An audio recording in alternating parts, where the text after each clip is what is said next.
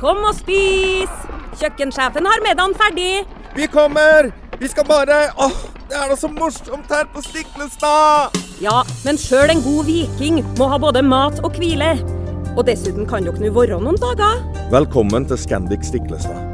Moderne fasiliteter i historiske omgivelser. Det var her det skjedde. Det er her det skjer.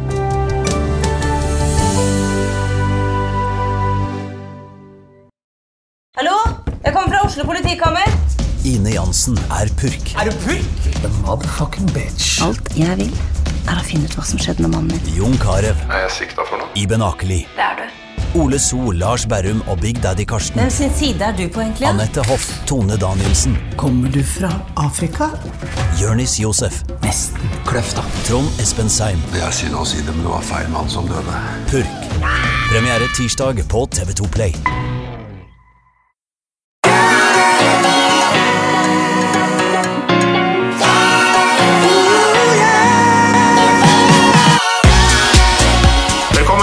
Ny episode av podkasten Hjernesterk. Eh, Ole Petter, nå har vi jo passert eh, det nye året med, ny med god margin. Eh, Men jeg tenkte vi skulle prate litt om nyttårsforsetter, for det er litt sånn Det er jo alltid en stor greie det er med nyttårsforsetter. Altså alltid sånn I avisen så står det ofte 'slik holder nyttårsforsettene dine'. Eh, Det er jo alltid sånn samtaletema, litt sånn som været eh, i det nye året. Så er det liksom Ja, har du noen nyttårsforsetter i år, da, kjære, eller min venn, eller hva det måtte være? Eh, Så jeg tenkte kanskje det er litt interessant å snakke om nå, for det nyttårsforsettet handler jo veldig ofte, eller i veldig stor grad, om helse. Utrolig nok. Så det er tydeligvis mange som er opptatt av at de skal gå et sunnere år i møte. Jeg vet ikke hvordan det er med deg. Har du noen nyttårsforsetter, eller? Ja, jeg har jo Jeg vet ikke om vi vil kalle det nyttårsforsett. Jeg, jeg har litt mer troen på um, Hvis jeg skulle gjøre noen endringer, ikke nødvendigvis gjøre det akkurat uh, over nyttår. Men uh, ja, jeg har noen, og det er for så vidt ting jeg har begynt med, som jeg har tenkt å fortsette med. Uh, og det ene det er å jobbe mindre og, og leke mer. Så jeg har kuttet ned på en del av jobbinga mi. Og så har jeg prøvd å ta opp igjen litt av disse tingene som jeg vet jeg setter veldig pris på, og som jeg har drevet mye med før, men som har druknet litt i en travel jobbhverdag med familie og sånt. Så begynte å hoppe fallskjerm igjen, som jeg har holdt på med i 15 år, men som jeg har hatt en eh, god pause fra, og det var utrolig gøy. Så det merket jeg var bra, og så bruke mer tid med familien, barna og familien.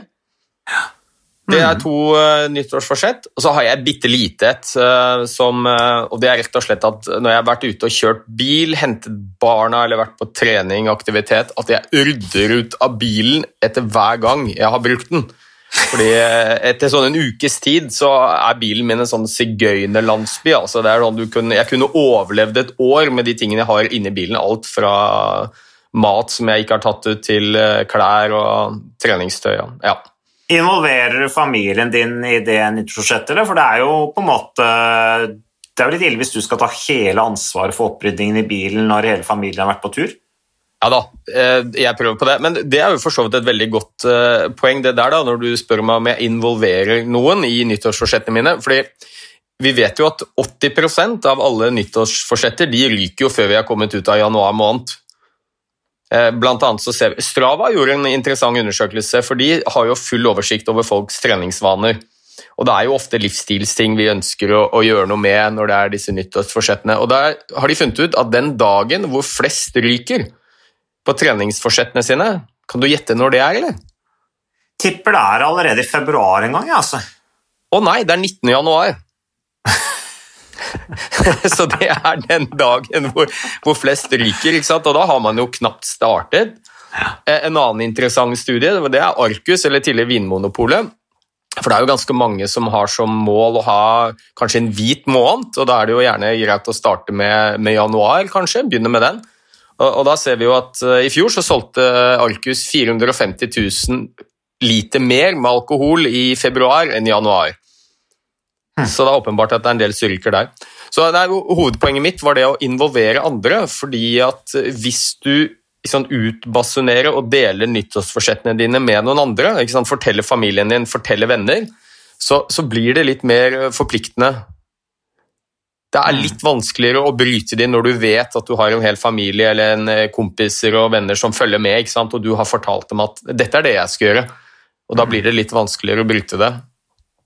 Da hadde jeg en, eh, en pasient for noen år siden som eh, hadde prøvd å slutte å røyke veldig mange år, og hadde ikke klart å få det til. Hadde gått ti år og hun hadde prøvd hvert eneste nyttår å, å stumpe røyken. og så ble vi enige om at hun skulle dele da, dette ønsket om å slutte å røyke. Hun skulle gjøre det litt mer forpliktende for seg selv, så hun skulle dele det med noen. Så hun la ut på Facebook, hun. Mm. Nå er det slutt mellom oss. Og så hadde hun bilde av en sånn Prins Mild-pakke som lå i peisen og, og brant opp. Eh, og, og, det hun sa, var jo at eh, disse tusen vennene hun hadde på Facebook, de sendte jo ofte meldinger og spurte hvordan det gikk. Og, så hun følte at det var mye mer forpliktende Eh, når alle andre visste at hun prøvde å slutte å røyke. Så de backa henne, og hun var litt redd for å, å bryte løftet sitt, eh, fordi hun var redd for å skuffe andre. Mm. Ja, Egne utsagn forplikter jo, det er det jo. Eh, og Hvis du da i tillegg blir fulgt opp på de utsagnene og får anerkjennelse Det er jo lite som motiverer mer enn å få anerkjennelse. Og det å føle at man blir heia på og, og at folk følger opp og kanskje til og med blir inspirert av deg, tenker jeg. For det er jo sikkert mange av vennene til hun du nevnte der som skulle slutte å røyke, som kanskje ble inspirert av det også. Kanskje hun hadde noen røykevenner som jeg røyka sammen med, som kanskje tenkte at uh, dette her er jo spennende, kanskje jeg skulle henge meg på, og så blir du en inspirasjonskilde. Det er jo gøy. Ja, de hadde faktisk en røykeklubb. Dette var en godt voksen dame. De hadde en røykeklubb de med åtte damer som uh, traff henne for å røyke. og det er klart når, Så var det tre av de som da sluttet å røyke, og da ble det ikke like morsomt for de, for de andre. For de sto ute uh, mens de tre andre satt inne, og, og da endte det opp med at hele, hele gjengen etter hvert klarte å slutte å røyke. Så, så, det å utbasunere og dele nyttårsforsettene sine med andre, det er bra. Og så er det som du sier, det anerkjennelse. Det er et, eh, nærmest et basalbehov for oss mennesker. Mm. Så det er jo et tips til de som eh, bor sammen med noen som har kommet med noen nyttårsforsetter, og, og vær flink til å backe opp og gi ros når de, når de får det til da får du jo litt sånn eh, du får litt sånn følelse av hvem som er dine gode venner og dårlige venner òg, fordi gode venner backer deg opp og motiverer deg til gode valg i hverdagen i forhold til å, å, å nå målsettinger, mens de dårlige vennene vil kanskje prøve å liksom trekke deg ned eh, og dra deg inn i dårlige vaner igjen, kanskje fordi at de, de selv har dårlige vaner som de ikke klarer å kutte ut, så det er kanskje en god anledning til å rydde opp litt i, i venneflokken òg. Ja, så, så, hvis du har venner som sier til deg at ja, men du, den treninga di, drit nå i den, det, er, det kan da ikke være så viktig, eller nei, du bare ta en sigarett, det gjør da ingenting. Det er bare én sigg. Kanskje verdt å se litt på vennskapet det. Ja, og også i forhold til dette med alkohol, som du nevner òg. Altså, jeg tror alle kjenner noen som kanskje reagerer litt mer negativt på alkohol enn det som, som er vanlig. De rett og slett tåler ikke alkohol på samme måte. og da er du en god venn, så oppfordrer du kanskje vedkommende til å ikke drikke, tenker jeg. Ja. Men, så, eh, men du, du, sa en ting masse, som jeg bare tenkte jeg skulle si litt om. for du, eh, du, nevnte jo det, og det er jo et faktum at eh, de aller fleste nyttårsforsettene som folk har, de går på helse. Livsstil og helse. Og så sa du at ja, det er kanskje litt rart, men jeg syns ikke det er rart. Når du spør nordmenn, og vi har gjort store befolkningsundersøkelser, og så spør du nordmenn hva er, hva er det som er viktigst i livet ditt for at du skal ha det bra, så troner jo god helse det troner alltid på toppen. Og selvfølgelig mange andre ting folk er opptatt av. Familie og økonomi og være i god fysisk form. Og, men altså, helse er alltid på topp, og det, så det, jeg syns ikke det er så rart at det er nyttårsforsett nummer én. Og iallfall ikke tatt i betraktning av at vi, veldig mange er ikke spesielt gode til å ta vare på helsa si i, i det daglige. Dette med inaktivitet og fedme, overvekt.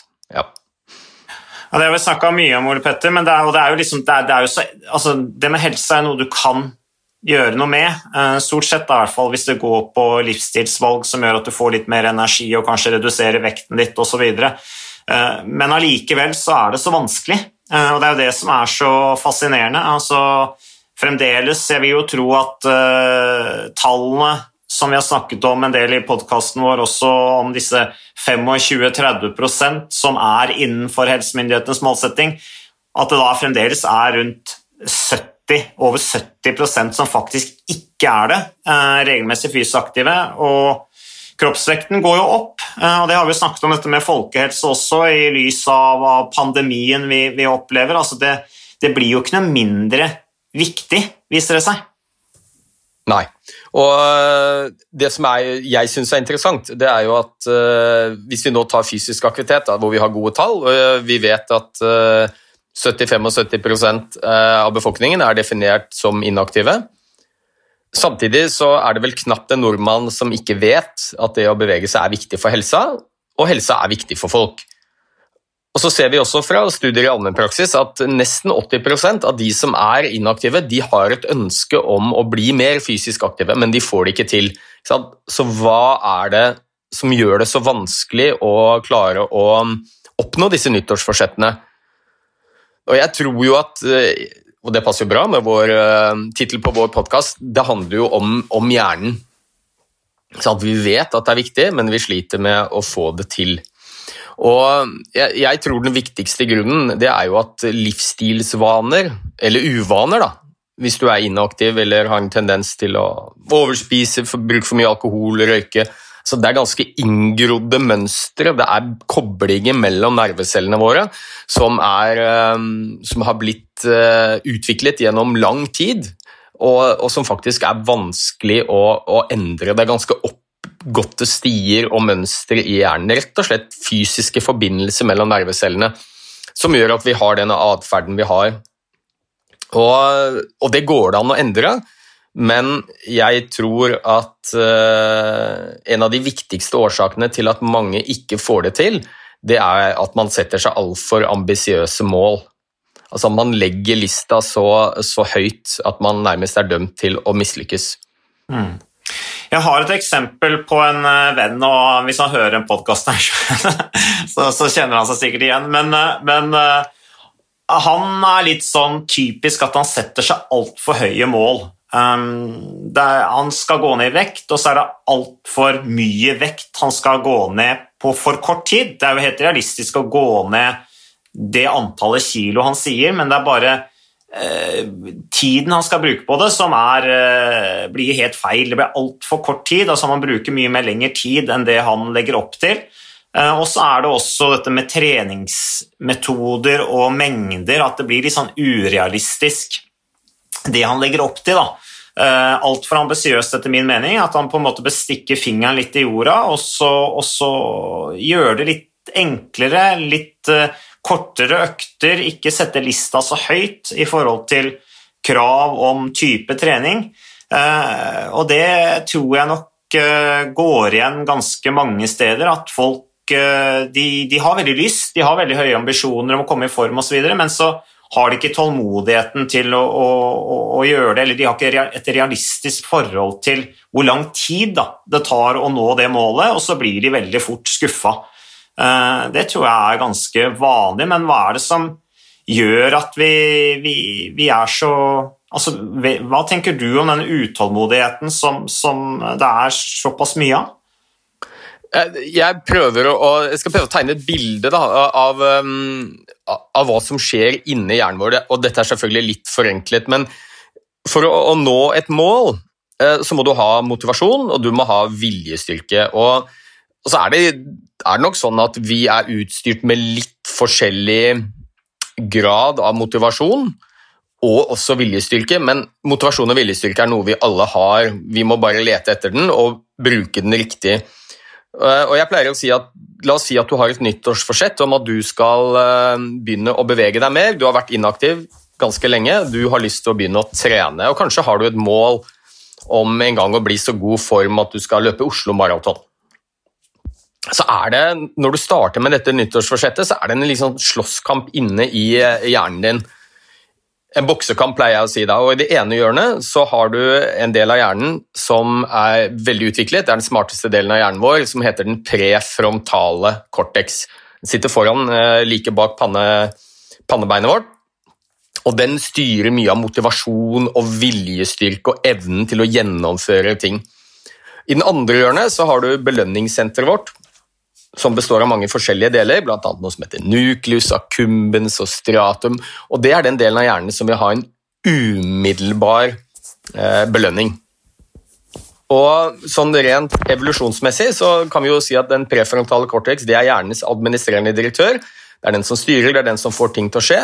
Men så blir den ofte litt lammet av dette belønningssenteret som vil ha en kjapp gevinst. Og Litt av utfordringen da er jo at hvis du er inaktiv, eller hvis du drikker alkohol eller hvis du røyker, så vil jo det å være inaktiv, det å røyke, det å drikke alkohol, det vil gi deg en umiddelbar belønning i form av dopamin. Mm. Og Da blir det ekstra vanskelig for denne prefrontale cortexen å overvinne disse lystene. For Hjernen vår er faktisk laget sånn at den er mer opptatt av en umiddelbar gevinst enn en enda større langsiktig gevinst fram i tid.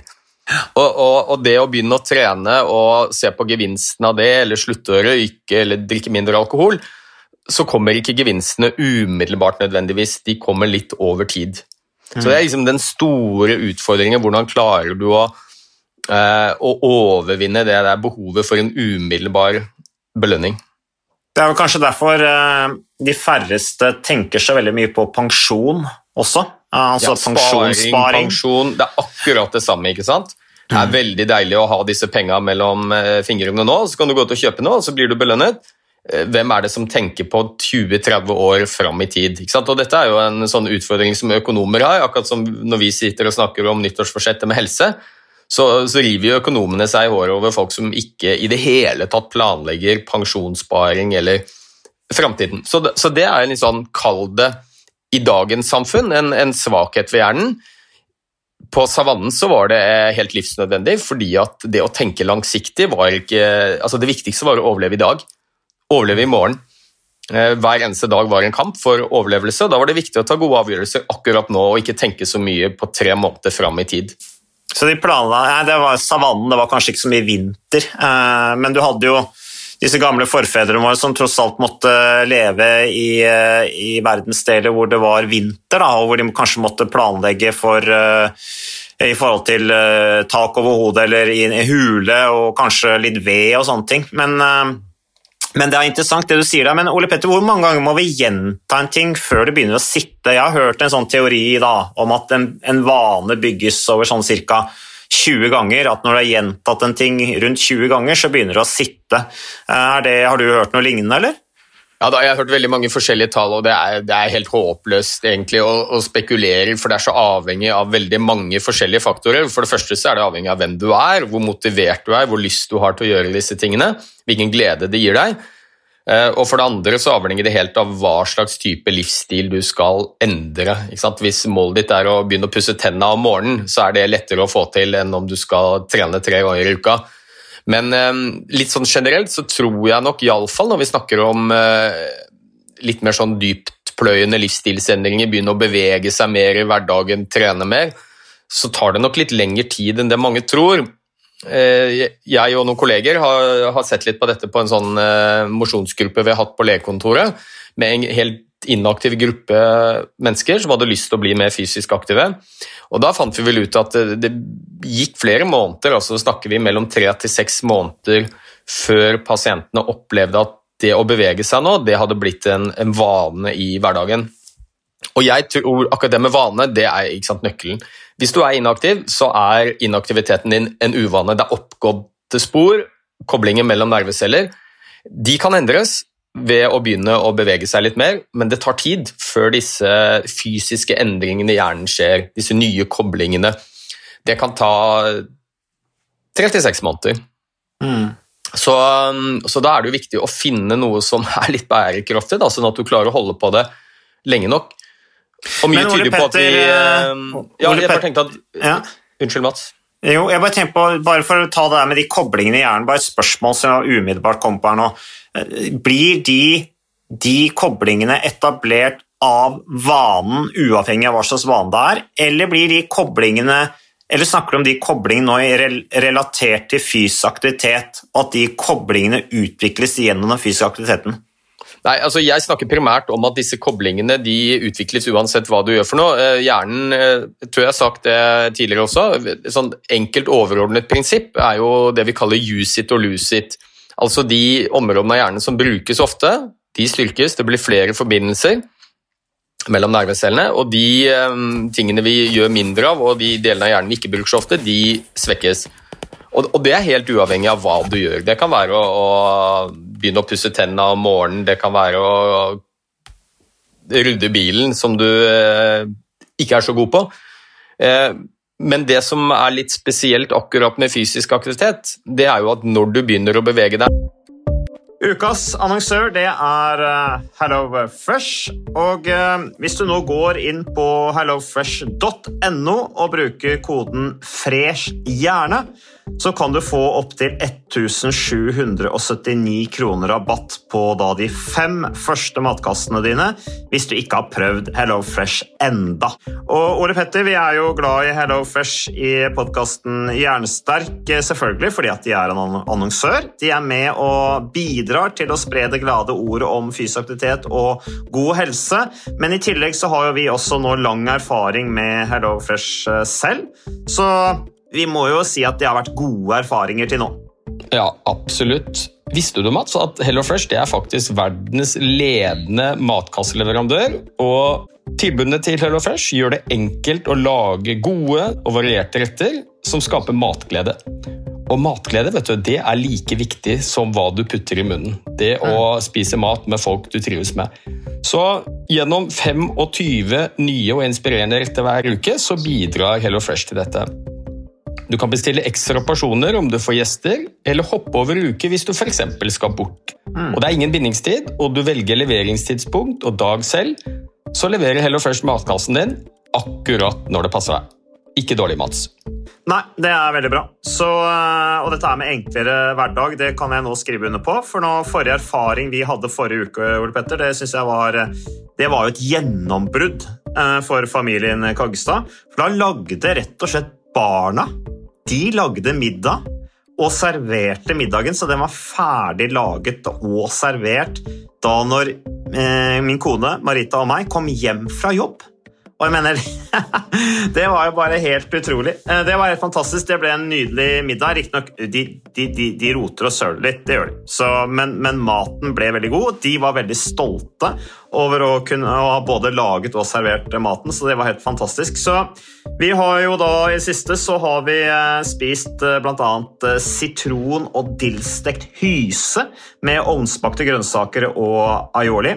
Eh, vi har spist middelhavsinspirert kylling. Taco, så finnes det mange ulike typer taco. F.eks. vietnamesisk taco, som vi har spist. Thailandsk vegetargryte. Veldig riktig og sunt uh, i dagens uh, samfunn med, med, fokus på bærekraft. Hvitløk og chilistekte reker i spagetti, det var definitivt en vinner. Så det er så flott. Du får rimelig mat ved at du kun betaler for det du trenger, så det blir ordentlig feststemning med Hello Fresh. Det gjør det, og nå er det bare for deg å gå inn på hellofresh.no og bruk koden 'fresh hjerne'. Da får du opptil 1779 kroner rabatt på de første fem matkassene dine hvis du ikke allerede har prøvd HelloFresh. Du kan også bruke rabattkoden hvis du har stoppet abonnementet ditt for tolv måneder siden eller mer. Er det noe å lure på? Håper maten smaker godt. Bon appétit! Mer så skjer det en del ting med pulsen din, med blodtilførselen, oksygentilførselen til hjernen, som gjør at nye koblinger lages kjappere. Altså, så fysisk aktivitet er et veldig godt Eh, det er, det er kanskje den livsstilsendringen hvor disse nye mønstrene blir laget mest effektivt. da. Ok, Så fysisk aktivitet gjør deg mer mottakelig for endring mentalt, eller i, i, hodet? Ja, altså det er rett og slett at disse nye koblingene de, de, blir laget mer effektivt ved fysisk aktivitet enn ved en del andre typer livsstilsendringer. Slutte å eller redusere på alkoholinntaket eller uh, spise sunnere, eller rett og slett fordi hjernen får litt hjelp fordi fysisk aktivitet øker pulsen, øker blodsirkulasjonen, oksygenmengden til hjernen. Da skiller vi ut flere kjemiske stoffer som er med på å øke det vi kaller plastisitet, heter det, altså hjernens formbarhet. Og den er mye større enn det vi har trodd. Så akkurat fysisk aktivitet er litt sånn i en særklasse når det gjelder det å lage disse nye sporene, som vi på godt norsk kaller en ny vane. Men Ole Petter, jeg, vi, vi, jo, vi, brenner jo veldig for uh, mosjon og fysisk aktivitet, uh, åpenbart begge to. Uh, og har jobbet med mye forskjellige mennesker, og jobber med mye forskjellige mennesker, med å hjelpe de å etablere gode vaner relatert til mosjon og ta vare på seg selv. Men, men, er det sånn da Jeg sier jo til sant, folk som røyker eller spiser usunt liksom, jeg, jeg, blåser i om dere røyker, jeg bare vil hjelpe dere til å mosjonere. For jeg tror at hvis dere begynner å mosjonere, så er det også lettere å slutte å røyke. Eller da blir dere mer motivert til å slutte å røyke, og dere blir mer motivert til å, å spise sunnere. Men begynn med mosjonen. Er du enig i det? Ja, du, Jeg er veldig enig i det. Og Jeg har jo også en del mennesker jeg følger opp, um, spesielt som fastlege, da, som har masse nyttårsforsetter. Og, de kommer ofte til meg da, med en liste. ikke sant? Nå, nå skal jeg gjøre noe i livet mitt. ikke sant? Nå skal jeg begynne å trene. Og så skal jeg spise mye mer sunt, og så skal jeg sove mer, og så skal jeg kutte ned på alkohol. Og Da pleier jeg å si at vet du alt det der er helt supert, men ta én ting av gangen. Og Det er flere grunner til det. Det ene er jo at det blir altfor overveldende. Du skal snu opp ned på livet ditt. Eh, husk, dette er dyptpløyende spor. Eh, livsstilsatferd det er eh, ting som er godt brent inn i hjernen. Både vaner og uvaner. Så ta én ting av gangen. Det er det, det, er det viktigste elementet mitt. Og, og, to, det er jo at hvis du endrer én vane, akkurat som du sier, hvis du begynner å bevege deg litt mer, får en litt sunnere livsstil, så vil det blir veldig mye lettere å gjøre noe med de andre tingene også. Altså Mange vil helt ubevisst begynne å spise sunnere når de begynner å trene. Mange vil få mindre lyst på røyk. Og Det er ikke så rart, det, fordi at uh, sigaretter det fører til utskillelse av dopamin i hjernen, som gir en belønning. Men det gjør trening også. Så det kan bli en slags erstatning som gjør det litt lettere å slutte å røyke. Så ta én ting av gangen. Og så er det utrolig viktig altså, å, å, å, starte forsiktig. Der tror jeg de aller fleste går på um, en smell ved at ambisjonsnivået er for høyt. Og Dette har vi snakket om mange ganger. Ja, Målet ditt kan godt være å gå fra sofakroken til å løpe Oslo Maraton, men det må være det langsiktige målet. Første mål kan være skaff deg treningstøy. Mm.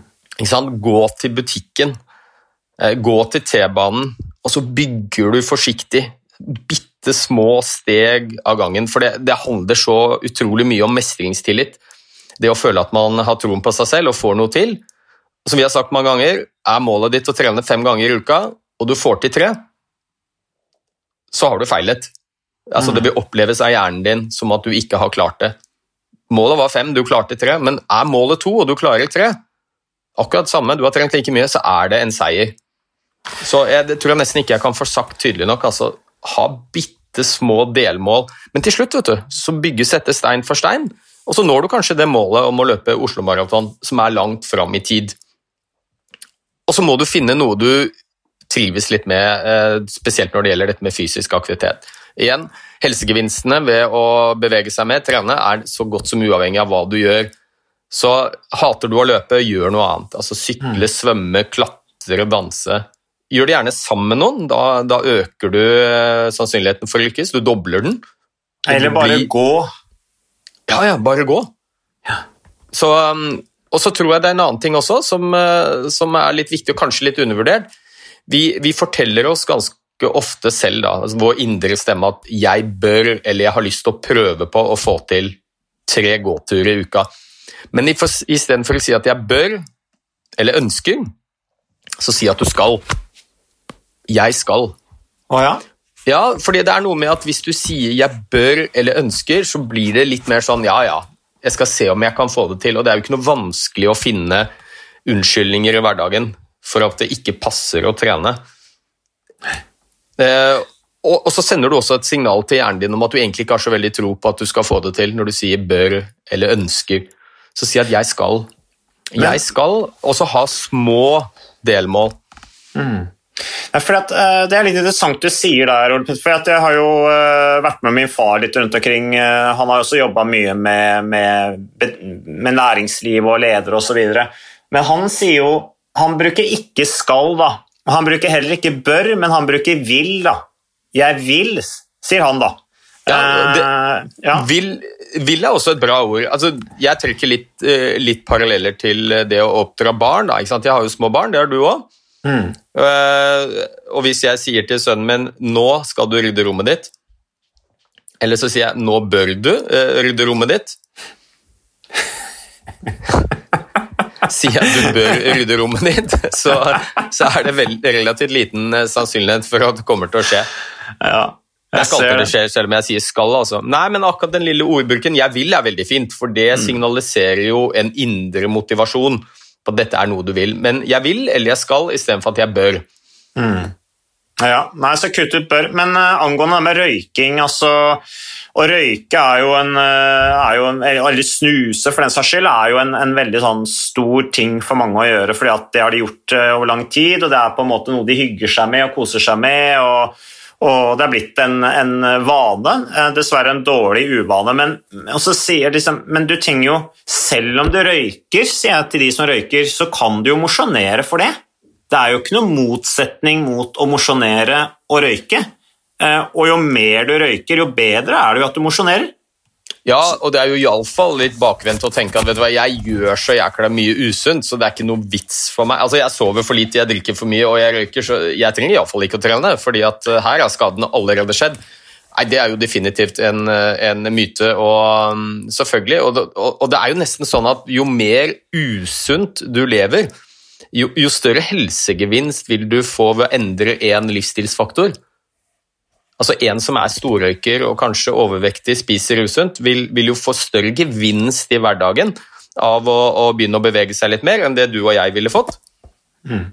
Altså gevinsten, endringer i hverdagsfunksjon og, og, og, hva det faktisk gjør med funksjonsnivået ditt, vil være enda større. Jo eldre du er, jo mer skrøpelig, jo mer usunt du faktisk lever. Så alle monner drar. Og så tror jeg vi må Jeg tenker også at det er jo ingen av oss som Det er helt utopi å leve helt i anførselstegn perfekte liv rent livsstilsmessig. Noen lyter er det helt greit å ha.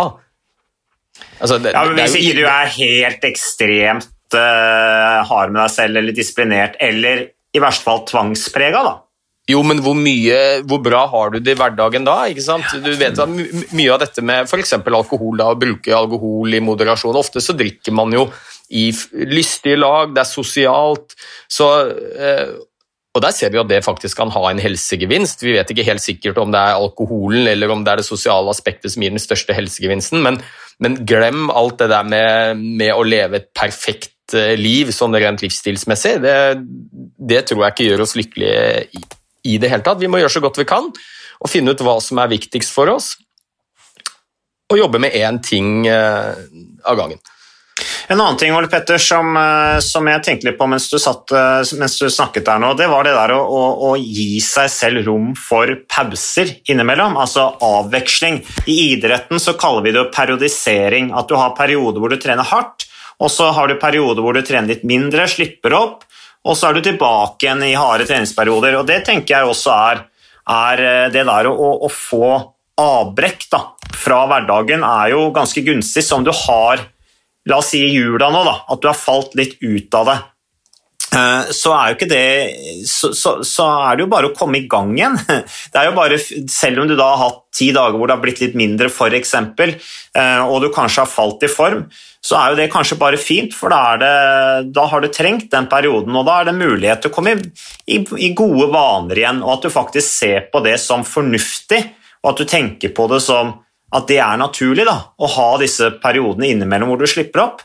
For det er også veldig mange som Nei, jeg har ikke trent det som jeg pleier å gjøre, så nå har jeg falt ut av det, så nå kommer jeg ikke i gang igjen. Jeg har liksom på følelsen at noen er der også. Ja da, og, og, jeg, og, jeg, tror det der er utrolig viktig. altså Ikke la det perfekte bli den godes fiende. Altså Selv vi som er glad i å trene, jeg har jo drevet aktivt eh, med løping og trent hver dag, flere ganger om dagen i mange år, men jeg husker jeg gledet meg alltid til det siste løpet for sesongen, for da hadde jeg en hel uke, kanskje til og med to, hvor jeg ikke skulle trene i det hele tatt. Så jeg tror vi må gi oss selv litt rom. Eh, om du er glad i å trene, så, så, så har en sunn livsstil altså Det har rom for en uke eller to uten trening. og Er du veldig opptatt av kosthold, så er det rom for litt kaker og utskeielser der også. At uh, vi må ikke gjøre det altfor tøft for oss selv. Uh, og, og, det er jo sånn, jeg pleier å si det, og det er jo litt sånn klisjé, men uh, det er ikke så jækla viktig hva du spiser mellom jul og nyttår. Det som er viktig, er hva du spiser mellom nyttår og jul. Ikke sant? Så om du har en rolig periode både når det gjelder trening og, og skeier litt ut med kosthold, eh, så tror jeg faktisk det kan være litt bra. Ja. Vi må ikke bli for strenge med oss selv. For det er det ingen som klarer å, å, å opprettholde over tid. Eh, og så tror jeg ikke det er bra for oss heller. Så prøve å ha noen gode rutiner, men at man har fortsatt litt avslappet forhold til det. Eh, og det tror jeg også gjelder dette med, med livsstilsendring. Da. Eh, det er mange som La oss si at de har sagt at de skal trene så og så mange ganger i uka, eller de skal slutte å røyke, eller, og så går de på en liten smell. Kanskje er det en uke eller to hvor du ikke klarer å nå målene dine med treninga. Eller at du sprekker og tar deg en røyk eller tar deg en snus selv om du skulle slutte. Altså, det er ikke krise, det er ikke the end of the world.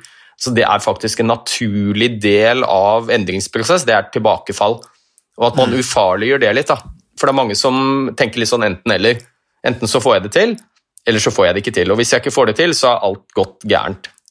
Nei, Det er Men, ikke noe nederlag å slippe opp en gang iblant. Absolutt ikke. Og, og, så tror jeg også et viktig element, da, hvis man har prøvd på nyttårsforsetter år etter år, og så klarer man ikke å komme seg gjennom januar engang før man sprekker, før man skal lage noen nye nyttårsforsetter, så husk det vi har snakket om. Finn noe du faktisk trives litt med. Små delmål. Fortell deg selv at du vil eller at du skal, istedenfor at du bør. Og så er det å prøve å huske? Kanskje klarte du å trene to-tre måneder for noen år siden, og så gikk det, kall det gærent i anførselstegn. Hva var suksessfaktorene? Hva var det som faktisk gjorde at du klarte å holde på såpass lenge? Og også tenke litt over hva var det som gjorde at du sprakk og ikke fikk det til. At man lærer litt av de eh, feilene man har, begått. Altså både husker det positive. Hva var det som gjorde at dette funka? Hva var det som gjorde at jeg faktisk klarte å, å trene tre ganger i uka i tre måneder? Hva var suksessfaktorene, og også hva var det som gjorde at uh, det ikke gikk lenger? Og, lære litt av det. Ja, og så tror jeg det er viktig det du sier der, at, at du har mål, målsetting er på en måte arbeidsoppgaven. Altså at målet er la oss si to til fire dager i uka, da. Eh, med fysisk aktivitet, emosjon, trening, kall det hva du vil, at målet ikke er at du skal se ut som en sylfide eh, når du kommer til 31.12. neste år. At det er, eh, det er på en måte fokus på det som fører til målet, ikke selve målet, tror jeg noen ganger kan være lurt også. Ja, eh, ofte når vi driver med sånn livsstilsendring, iallfall i, eh, i helsevesenet, og hjelper pasienter, så, så, bruker vi noe som heter SMART-modellen. Har du hørt om den? Nei. Nei, altså SMART-modellen er en modell som sier noe om de målene vi setter oss. og Det er da S-en står for at målene er spesifikke. altså De må ikke være altfor vage. Et, type spesifikt eh, mål er jo at jeg skal bevege meg tre ganger i uka istedenfor å si at jeg skal bli i bedre form. Mm. Altså, Hvordan måler du det? Så ja, si at du skal gjøre det, eller Istedenfor å si at du skal spise sunnere, så kan du ha et veldig spesifikt mål og si at jeg skal kutte ut sukkerholdig brus, f.eks. Ja. M-en står for målbart. At det er noe som bør kunne måles. Og Det kan også gå på mye av det samme. Hvor mange ganger i uka du trener, eh, et spesielt tidsmål, hvis du skal løpe, det kan være kilo i vekt, det kan være så mangt. ikke sant? Så målene bør være spesifikke, de bør være målbare. Da er vi på A-en, som betyr akseptable. Det betyr egentlig at vi som fastlege for eksempel, ikke skal fortelle pasientene hvilke mål de skal ha, men at de er med på å bestemme selv. Det må være noe du har indre motivasjon og lyst til selv. Så da har vi S, M, A, og så er det mm, Ja, nå er alfabetet mitt her. Da er vi over på R, er vi ikke det? Eh, jo. Og nå sto det plutselig helt stille for meg hva den eh, eh, Hva står den R-en for, da? Smart. Uh, nei, nei er det resultat, kanskje? nei da, det gjør ikke det, vet du. Nei? Herregud. Dette her var jo uh, T-en står iallfall for tidsavgrenset. At du har en periode du skal innen mars måned eller innen uh, juni at du setter sånne tidsintervaller og har små delmål. Mm. Ja, nei, jeg kommer tilbake til r vi kan ta æren seinere, Petter. Det går helt fint. Men uh, da har vi snakket en god del om nyttårsforsettet, syns jeg. Uh, jeg har, ikke, jeg har uh, ikke, så veldig mange nyttårsforsetter sjøl heller, annet enn at jeg har tenkt til å fortsette å begynne å spise havregrøt. Noe jeg bestemte meg for etter at vi hadde en podkast med Tine Sundfør om kosthold. Da begynte jeg å spise havregrøt, faktisk. Så jeg blir jo egentlig påvirket ganske mye av vår egen podkast, jeg også. det har vært veldig bra. Og så skal jeg ta med barna mer ut, sånn som du også var opptatt av. Eh, for det er viktig. Eh, og så har jeg begynt å strekke ut om morgenen. At jeg står Oi. opp litt tidligere, og så strekker ut om morgenen. Så det går en, et mykere år i møte. Eh, for jeg tenker at når man blir eldre Én ting er å trene styrke, og sånn som jeg om, kondisjonstrening, men det faktisk å strekke ut også, det må jo være veldig bra for energinivået og musklene og i det hele tatt, tenker jeg. Så det, det er en sånn vane jeg har tenkt å prøve å, å bygge inn da, i hverdagen i, i, 2021, så det blir spennende. Men Ole Petter, jeg tenker at vi eh, har tatt en bra gjennomgang av eh, nyttårssetter og hva som gjør at vi holder i og ikke holder i osv. Så, videre. så hvis det ikke er noe du vil avslutte med, så det er det. Du pleier alltid å ha noe å avslutte med, nemlig. Alltid noe å avslutte, og nå må jeg jo selvfølgelig komme på ja, nå kommer jeg på den r da. Eh, og det er selvfølgelig realistisk at det må være mål som er realistiske for den som skal prøve å oppnå det. Så smart-modellen, altså spesifikke mål, målbare mål, akseptable mål, altså noe du har lyst til sjøl, de må være realistiske, og så er det lurt å ha en tidsavgrensning. Ikke si at jeg i løpet av en eller annen gang så skal jeg begynne å bevege meg litt mer, men at du setter noen eh, datoer, datoer og frister for deg selv for når du skal oppnå disse delmålene. Det er en god eh, start. Så kort oppsummert, finn noe du syns er litt gøy, og så prøv å lete etter din indre motivasjon. Altså hva er det du har lyst til, hva er viktig for deg? Og så ha disse målene som er eh, Start forsiktig, for guds skyld. Mm. Små delmål av gangen, og så når Gjør noe du, du mestrer. Ja, noe du mestrer, noe du føler du får til. Og Det er også et sånn basalbehov for oss mennesker, føle at vi mestrer noe. Og det å stadig vekk prøve å nå noen nyttårsforsetter som du ikke klarer å nå, det bombarderer jo det meste av mestringstillit og selvtillit. Så start forsiktig, små delmål, bygg stein på stein. Gjør det gjerne sammen med noen andre, og fortell andre hva målene dine er, så blir det litt mer forpliktende. Og så ikke ikke gjør det for vanskelig for deg ved at alt må være perfekt. Det er lov å feile litt av og til, og, og, og selv en sunn livsstil har rom for noen uker uten trening og har rom for litt usunn mat innimellom. Mm. tusen takk for det, Ole Petter. Så uh, til lytterne våre, takk for at du hører på podkasten. Og uh, vær smart, så tenker jeg at 2021 blir veldig bra. Takk for oss. Takk for oss.